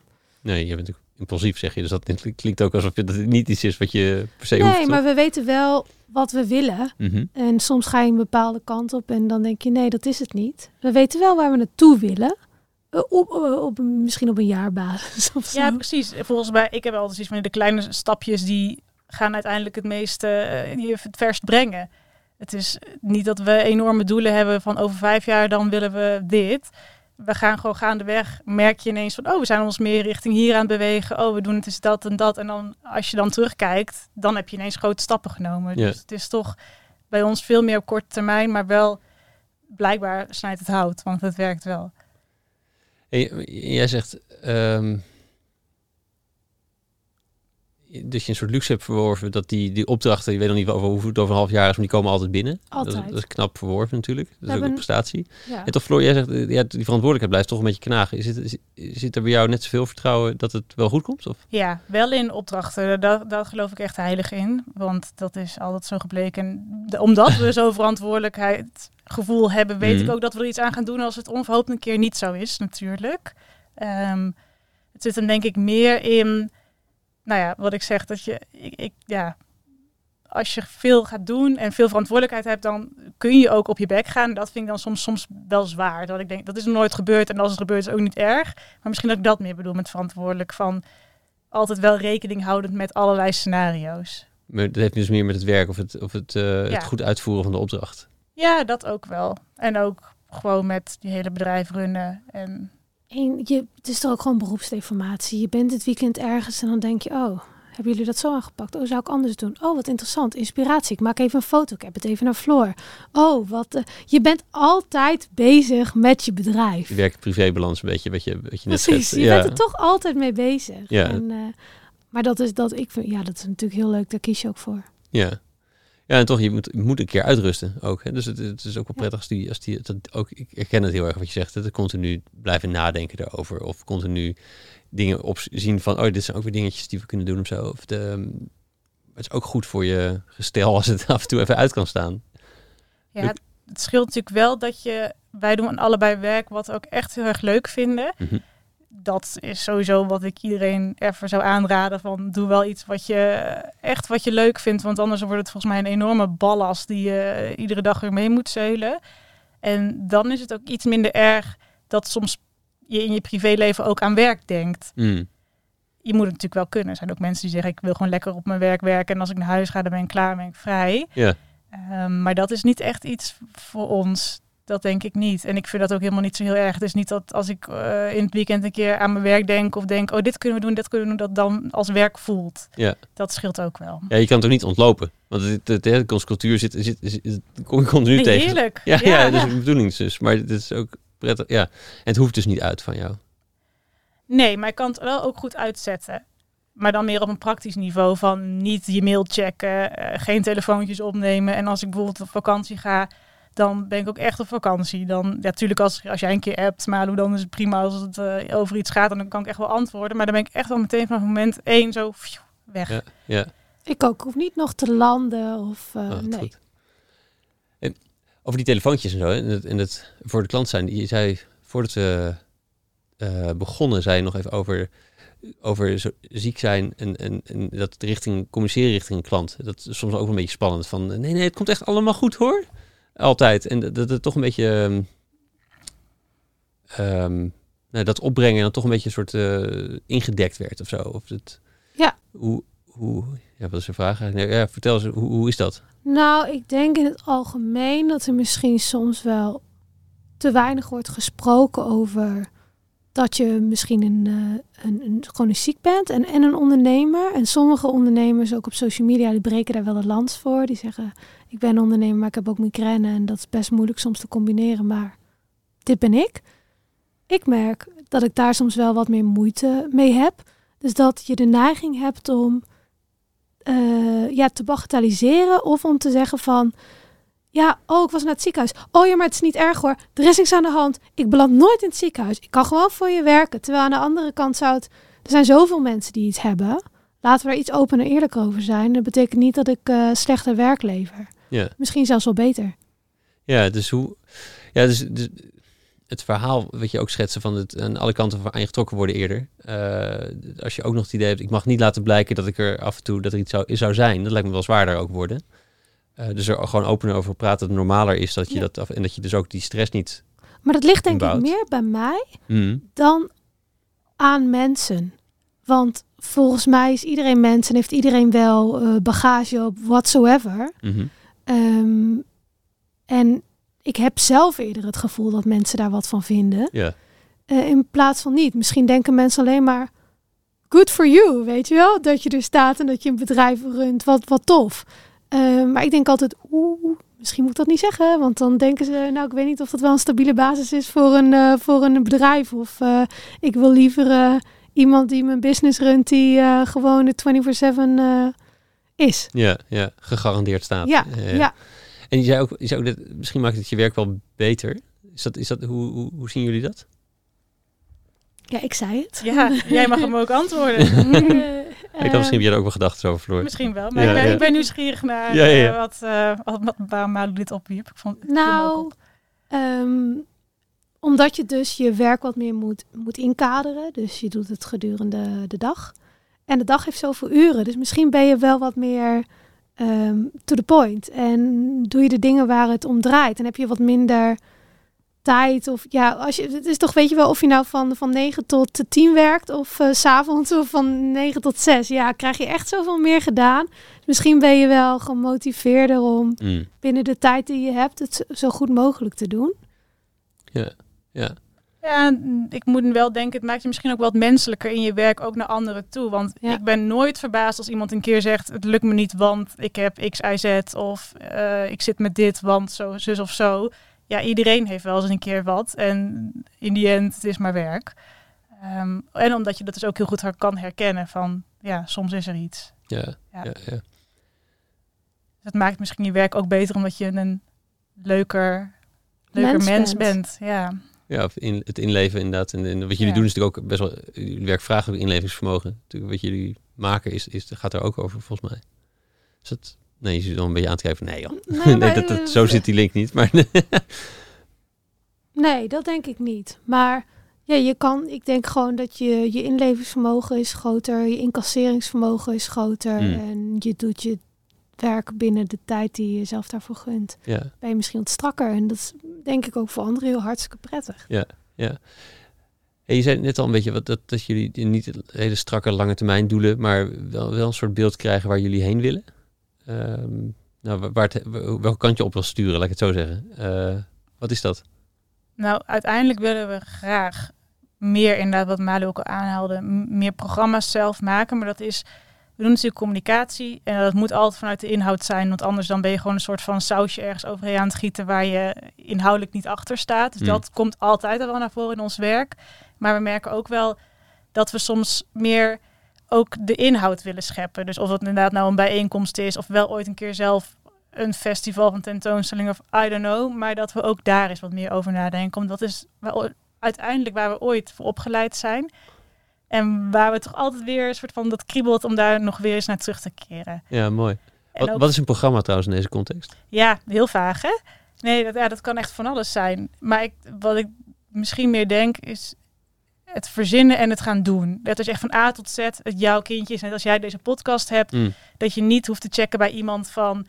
Is dit oké? Eh, ben je hier tevreden mee? Maar dat wij gewoon iets gemaakt hebben. En ik ben ook nog niet achter de vorm, dus zo vaag is het inderdaad ook nog. Ehm, maar dat kan inderdaad een tentoonstelling zijn. Het kan een, eh, een event zijn. Het kan een publicatie worden. I don't know. Ja, dat doen we heel soms ook wel. Bijvoorbeeld, eh, we hebben tijdens corona online eh, sessies georganiseerd. Ja. Inspiratiesessies voor de culturele sector. Ehm, en dan zie je ook dat het hartstikke goed werkt. Er komen mensen op af. Je kan sprekers uitnodigen. Je kan zelf als spreker optreden. Je kan kennis delen. En daar worden we zelfs gewoon super enthousiast van. En eh, daar moeten we onszelf eigenlijk meer tijd voor gunnen. Want wij hebben het gevoel dat daar nog heel veel broeit. En daar, we daar nog heel veel mee, mee kunnen. En welke inhoud? Want je zegt dat inhoud moet wel centraal staan of moet er wel zijn, want een soort sausje. Welke inhoud zouden jullie willen verspreiden? Nou, kijk, hoe wij ooit zijn begonnen, is dat wij ehm, alle twee een kunsthistorische of een cultuurhistorische achtergrond hebben. Ehm, maar die, die kunst- en cultuursector is ehm, soms qua taal niet zo heel erg toegankelijk en soms ook qua beeld niet. Dan moet je veel achtergrondkennis hebben om te begrijpen. Maar kunst en cultuur, als je daar wat van snapt, het gaat over jou, het gaat over de tijd waarin je leeft, het gaat over jouw geschiedenis als mens.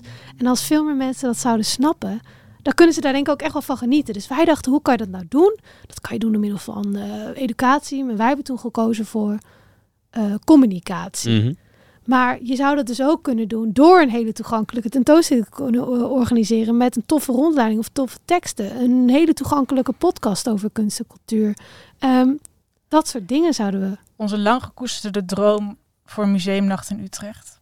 Dat willen we echt al vanaf het Die is er begin. niet. Die is er niet. Waarom is die er niet? Waarom is die er niet? Ja, we weten het. Omdat er geen behoefte aan was vanuit de musea toen de tijd. We hebben het echt jaren terug een keer gevraagd bij Oh de ja. stichting die het volgens mij ooit georganiseerd heeft. Nou, toen hadden we daar een soort van morrend genoegen meegenomen. Die Maar wouden alleen maar werken tussen 9 en 5. Wat een fuckers. Ja, precies. Nee, het is, eh, het is wel best. Nee, precies. Nee, dus dat is echt nog iets waarvan we al heel vaak zeggen van zoiets, zeg maar. Dat zou echt... eh, Ja, of eh, Hmm. we hadden laatst een klus voor de mobiliteitsweek. En daar deden we de campagne en communicatie, maar ook een deel van de programmering. En dat is gewoon super leuk dat je deels ook een programma kan Ja. bedenken en het programma kan promoten. ja. Wordt toch weer groter. Toch weer meer. Ja, maar Ach, er hoeft, meer, hoeft niet te zitten in eh, meer mensen aannemen om het om te doen. Eh, als jij minder klanten hebt die beter betalen, heb jij wat meer ruimte om je eigen dingen te doen. Zeker. Nou ja, of klanten waar je wat. We werken wel vaak op langdurige basis met klanten, maar waar je iets intensiever nog mee kan werken. Wij zijn, we werken denk ik maximaal één dag tot twee dagen in de week voor een bepaalde klant, maar nooit heel intensief vijf dagen voor een langere periode. Ik kan me voorstellen dat dat ook nog iets is wat interessant zou zijn. Dus in kwantiteit minder klanten, maar in kwaliteit dan meer, zeg Ja, maar. Ja. ja. Ja, wat moeten jullie doen om dat te gaan maken? Oh god. Streng zijn op onszelf. Ja. Oh god. Maar weet je wat het is? Dan komt er een leuke klus voorbij en dan denk je... Ja, ik sta helemaal achter jullie verhaal. Ik sta helemaal achter jullie inhoud. Wat een toffe tentoonstelling komt er weer aan. Gaan we doen. Gaan we doen. Dus wij moeten denk ik ons eh, enthousiasme zien te beteugelen. Ehm, Heel moeilijk. en tijd maken, vrijmaken voor onszelf. Dus je moet af en toe nee zeggen tegen een klant dan. Ja, dat doen we ook Dat doen we wel. al best vaak. Ja. Ehm, maar... eh, en, en ook En ook als hij, als hij eigenlijk perfect was. Nee, als die perfect is, dan zeggen we geen nee. Maar ik denk ook streng zijn. Ja, wij eh, zijn niet zo streng op onze eigen deadlines. Dus bijvoorbeeld op vrijdag hebben we dan altijd in onze agenda staan dat we een bureau 30 middag hebben. Dus voor onszelf gaan werken. Plannen we gewoon allerlei afspraken overheen met de klanten. Ja. Zonder te overleggen. Pop, gewoon eroverheen. En dan is die dag weer verloren. Dus wij moeten veel strenger zijn op elkaar daarin. Dat is wel als je zo intensief met elkaar samenwerkt. Kijk, bij, ik heb heel erg dat ik bij externe, als die mijn deadline opleggen, dat ik dan wel denk, ga ik doen, ga ik voorlopen. Maar jij bent inmiddels zo in mijn eigen ik of zo geworden, dat als jij mijn deadline geeft, dat ik dat al niet eens meer echt als urgent beschouw. Nee, ik krijg lange neus. Dus ik doe en andersom ook trouwens. Ja. ja, ja, mooi. Ja, ehm, maar zo over een paar jaar is het wel fijn als het een keertje ge- gebeurd is. En hoe gaan we dat nou aanpakken? Nou, dat is, dat is leuk dat je dat vraagt. Want wij zijn eh, vanaf 13 december tot 10 januari hebben we onszelf vrijgegund. We nemen altijd al kerstvakantie, maar wat korter. En nu dachten we, weet je wat? We doen een hele maand. Dan gebruiken we een deel van die tijd om eens echt even goed ons te focussen op het bedrijf. We hebben het ook van de daken geschreeuwd naar elke klant. Wij zijn er niet. Wij zijn er dan echt niet. Dus dit is een hele goede stap. En ook naar familie, want die gaat natuurlijk allemaal zeggen, kom nou allemaal naar kerst. En, oh, en beide families naar kerst. En, Ja, daar moeten we even nadenken. Nee, nee, nee, we doen het nog fijn voor de kerstdagen. En dan kunnen we fris hopelijk het nieuwe jaar in met eh, ook nieuwe plannen. Ja, ik zie nog lichte twijfel of dit gaat lukken. Ik, ho- ik hoop het natuurlijk voor jullie, hè. Maar de- Nee, dit, dit is, eh, ik zie dit heel positief. cool. Hey, we gaan een beetje richting de afronding. Eh, Je, je zei dat je het lijstje niet had uitgeprint met, met, met dingen die jullie inspireerden. Eh, Hopelijk zitten er nog een paar in jullie hoofd die jullie kunnen, kunnen delen. Ehm, wat zijn dingen die jullie meegenomen qua, die inspireren jullie? Oh, je kijkt naar mij? Ja. Ehm, ik haal heel veel inspiratie wel echt ook naar festivals gaan, musea, tentoonstellingsbezoek. Dat is heel fijn. En dan hoeft het niet eens eh, soms te zijn dat ik er nou ja, beroepsdeformatie-achtig naar kijk van oh, zo is het ingericht of zo of zo. Ook echt gewoon kijken en denken, ik vind het mooi of niet mooi. En dat is ook goed. Ik haal ook heel veel inspiratie uit boeken. Eh, wel altijd fictie. Ik lees echt heel veel uh, ja, romans, uh, poëzie, wat dan ook. Eigenlijk dus nooit zelf veel boeken. Daar hadden we toevallig in, van tevoren nog even met elkaar over van... jij doet dat ook niet. Ik heb nog nooit een boek gelezen over ondernemen. Ja. Never. Ja. en ook één boek over marketing en het moest van de studie. Ja. en toen, toen stopte onze opdrachten, nu je dit hebt gezegd. Nee, nee we zijn niet zo heel erg van hoe, inderdaad business-wise boeken lezen, maar inspiraties uit boeken. Misschien een concrete boekentip. Dat is een boek wat ik van de week heb uitgelezen. En dat heet uh, Hier hoor je niemand over. En uh, het is een boek over een schrijfster en die is viral gegaan met een tweet genaamd uh, Can Dogs Be Twins? En zij vliegt de hele wereld over om lezingen te geven over internetcultuur. Nou is de inhoud, eh, vond ik oké, maar wat is heel apart is aan het boek, het is in allerlei korte alinea's geschreven. Echt als een soort van tweets, uh, maar dan net wat langer, een soort hersenspinsels. Het gaat ook heel erg over dat zij alleen maar op het internet leeft. Dat noemen ze dan de portal. Um, maar het is zo fascinerend dat er een boek geschreven is, eigenlijk op de manier waarop wij op internet ons gedragen. Mm. Uh, er komen ook allerlei hersenspinsels bij over memes. En sommige herken je en sommige niet. En dat vind ik gewoon fascinerend. Heeft iemand al een heel goed boek over geschreven. En denk ik, nu is dat super relevant.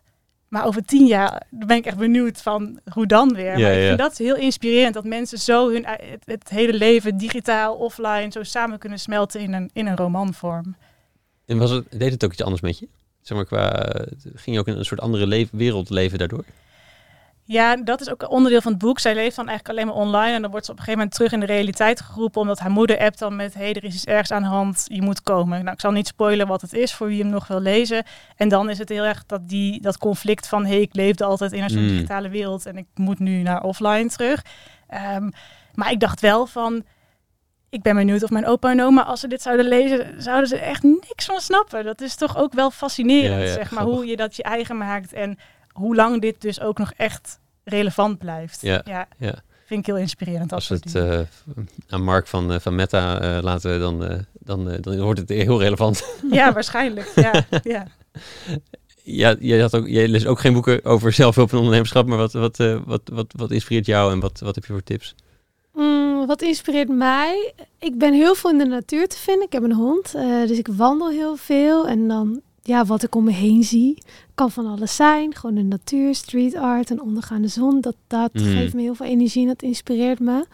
Podcast, boeken, kunst en cultuur in de brede zin van het woord. Ehm, ja, zinnetjes ook. Die soms schrijven, schrijven zinnetjes waarvan je denkt, prachtig. Of hoe Mm. kom je hierop of woorden?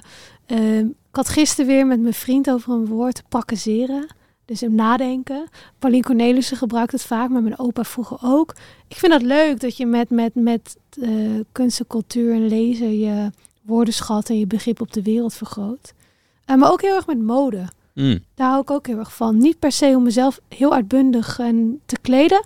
Maar ik vind mode ook heel inspirerend om naar te kijken. En de concepten die ze neerzetten. Daar hou ik echt van. En eh, boeken is vooral geschiedenis. En soms in een romanvorm, soms ook non-fictie. Ik heb net het Hoge Nest uit van Roxanne van Iperen.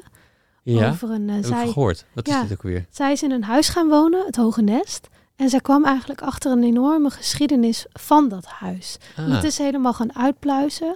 Daar woonden twee zussen die in het verzet zaten in Nederland. eh, met allemaal onderduikers. En ze is eigenlijk dat hele eh, familieverhaal en het verhaal van die twee zussen ze gaan ontrafelen. En wat ik daar zo leuk aan vind, is dat je leest iets voor je ontspanning, maar je leert heel veel over de Tweede Wereldoorlog. Hoe Ja. het was in Nederland, hoe gedroegen mensen zich, ehm, de kracht van mensen. Zat zij bij Zomergasten toevallig afgelopen jaar? Ja. ja, ja, ja, dat, eh, daar ken ik me van. Dan. En ze Ja. heeft ook de 4 mei-lezing gedaan. Of 5 mei. Ja. 4 mei-lezing. Ja, de 4 mei-lezing heeft ze ook gedaan. Ja, dat, dat, dat, dat, dat geeft je weer andere bagage en laat je weer anders naar de geschiedenis van Nederland kijken, waar we ons allemaal nu in begeven. Ja. Eh, en dat, dat inspireert mij weer. En nog ehm, cultuurtips? Of podcast, podcasttips vind ik ook, tips vind ik ook leuk. Oh ja, ik luister nu naar eh, Wind of Change. Oh ja. Ja, Door, ja, niet door mij, maar ik weet wel door, wat je gaat eh, zeggen. door jouw vriend. Ja. En dat is een geweldige podcast. Dat is een Amerikaanse podcast van een journalist. Die hoort via via een vaag verhaal over eh, de band The Scorpions. eh, Oké. Een Duitse band, heel groot in Amerika. Die hebben een nummer gemaakt, Wind of Change. En als je hem hoort, dan ken je hem direct. Een rock power ballad is het Ja. toch wel? Ja. Ja, eh, eh, gemaakt rondom de val van de, van de Berlijnse muur. En eh, ook heel groot geworden toen in de Sovjet-Unie en vlak daarna. En eh, dan hoort hij een vaag verhaal over eh, dat eigenlijk de CIA heel veel invloed heeft gehad op dat nummer. Of zelfs dat nummer heeft geschreven om te zorgen dat de Sovjet-Unie sneller uit elkaar viel en het communisme weg was. En die journalist is daar zo door gegrepen en die denkt, oh mijn god, zou dit waar zijn? En daar gaat die podcast over. Is het waar? Heeft de CIA invloed gehad op Wind of Change? Op cultuur, op, op, op een band? En, en kan dat? Nou, en hij maakt omzwervingen naar Nina Simone, naar Louis Armstrong, die ook allemaal voor de CIA op pad zijn geweest. Eh, ehm, eh, Nina Simone wist het niet. En Louis Armstrong heeft zichzelf een beetje voor het karretje laten spannen. Mm. Dus het is een soort van kunst en cultuur heeft een, vermo- een mogendheid daar, daar invloed op en, en kan dat. Ja, ik ben nog niet, ik heb hem nog niet klaar, maar het is zo bizar fascinerend. Dank je, deze ga, deze ga ik zeker luisteren. Ja. Ehm, ik vond het mooi, je, kwam, je ging ook helemaal in je verhaalmodus. Dat, dat- Oh, dat- ja. dat vertellen. Leuk, leuk. en je zei, je hebt nog nooit iets gelezen over ondernemerschap en toch, toch runnen jullie toch best wel succesvol ondernemer, onderneming volgens mij. Wat, wat, heeft het, eh, wat heeft jullie geholpen in die, in die tijd? Of hoe, heb, hoe heeft het, ehm, en ook specifiek de, de omgeving waarin je bent gaan ondernemen, jullie geholpen? Nou, om nog even terug te komen op onze stageplek waar we dus zijn blijven plakken. Even Ja. weer way back naar eh, waar we begonnen zijn. Dat heeft ons wel echt gevormd in het kader van een gunstig klimaat eh, om allerlei dingen te leren over kunst en cultuur, maar ook over werken. Mm. Want hoe blij ik ook ben met de opleiding die ik gedaan heb, het leert je echt helemaal niks over hoe je uiteindelijk praktisch een baan krijgt. Het is wetenschappelijk onderwijs, dus je leert onderzoek doen, eh, bepaalde visies en dat neem je natuurlijk allemaal mee. Maar als je heel concreet ineens een baan krijgt, nou, wij moesten echt afleren hoe we schreven. Super wollig, alles uitleggen.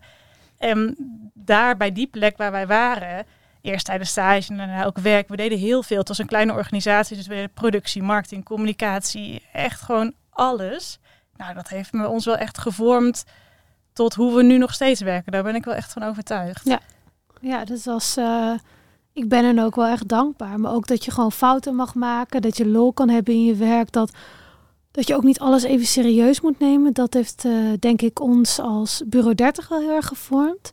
Nou, bij mij, ondernemersfamilie, eh, mijn broer is bijvoorbeeld, eh, die heeft dan een sportschool, maar die is van een wat grotere weer naar een hele kleine gegaan. Hoe Oh ja. hij ooit ook begon, dat hij dacht, hé, hey, maar wat vind ik nou leukst? Ja. Hey, dat is die persoonlijke begeleiding, mensen die echt ziek zijn helpen. Dus ook met elkaar die weg Ja, bespreken. heel vergelijkbaar. Ja. Ja, dus dat is heel erg interessant. En kan ook wel, waarom lees ik nou geen ondernemersboeken? Is dat, ja, op papier staat dan heel veel.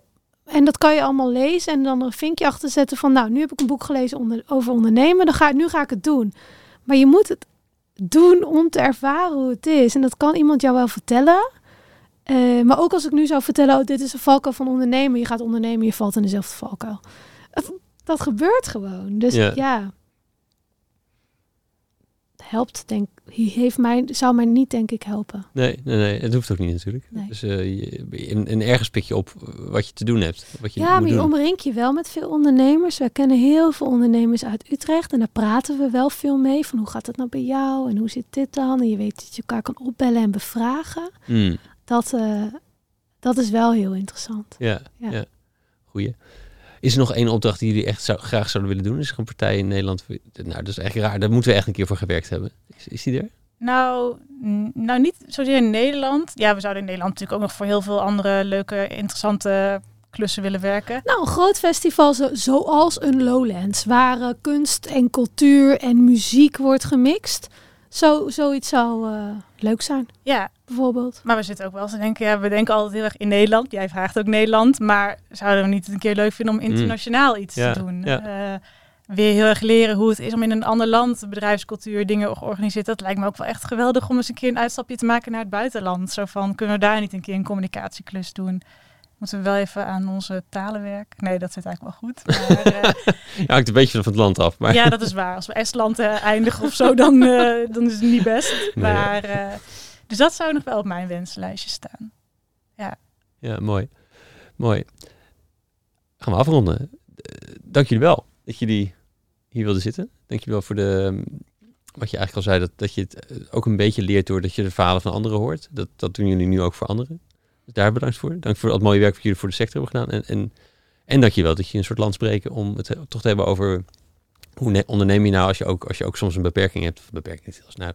Ik zoek nog Beperking is goed hoor. Als mensen uitdaging zeggen, dan, Oh ja. dan Oh word ja. ik een beetje, Oh ja. dat is ook een beetje eng. Mm, Mag, Ja. al- mag allemaal van Ja, mij. ja. Ja, nou ja, dat, dat, dat, dat, dat je daar gewoon over kan praten. en Dat het dus normaler wordt. En dat je ook dus dat stemmetje in je hoofd daarmee wat losser kan krijgen. Eh dankjewel. Hopelijk hebben daar anderen ook iets aan. Dank voor de uitnodiging. Ja, Ja, geen, geen en onze spiegel voorhouden. Het was weer heel erg leuk om even zo eh, over onszelf na te denken. Ja, wacht maar Al, tot je terug praat, wordt. al pratende. ja, ja. Die eh, mag ik eh, vragen om op die rode knop met rek daar te drukken. Dan is die echt uit. Ja, ga ik nu Ja, doen. ga je doen? Bam. Ja, dat was hem alweer. Dankjewel voor het luisteren. Wil je zeker weten dat je de volgende aflevering ook vindt? Abonneer je dan op de podcast. Je weet hoe het werkt in de app die je gebruikt. Weet ook dat ik van alle afleveringen uitgebreide show notes met de lessen en de links uit het interview maak. Deze vind je op www.studiogeorge.nl slash podcast. En ik ben heel benieuwd hoe je het gesprek vond. Waar kon je geen genoeg van krijgen of waar zou je meer van willen horen tijdens de gesprekken? E-mail me op tijmen.studiogeorge.nl Als laatste, na elk interview werk ik één inzicht uit in een korte blog. Die stuur ik met liefde naar je inbox, gepaard met wat links die me inspireerden die week. Meld je aan voor dit Espresso Shot strategie op www.studiogeorge.nl slash shots of strategy. Allemaal aan elkaar. Heb een goede dag en tot de volgende.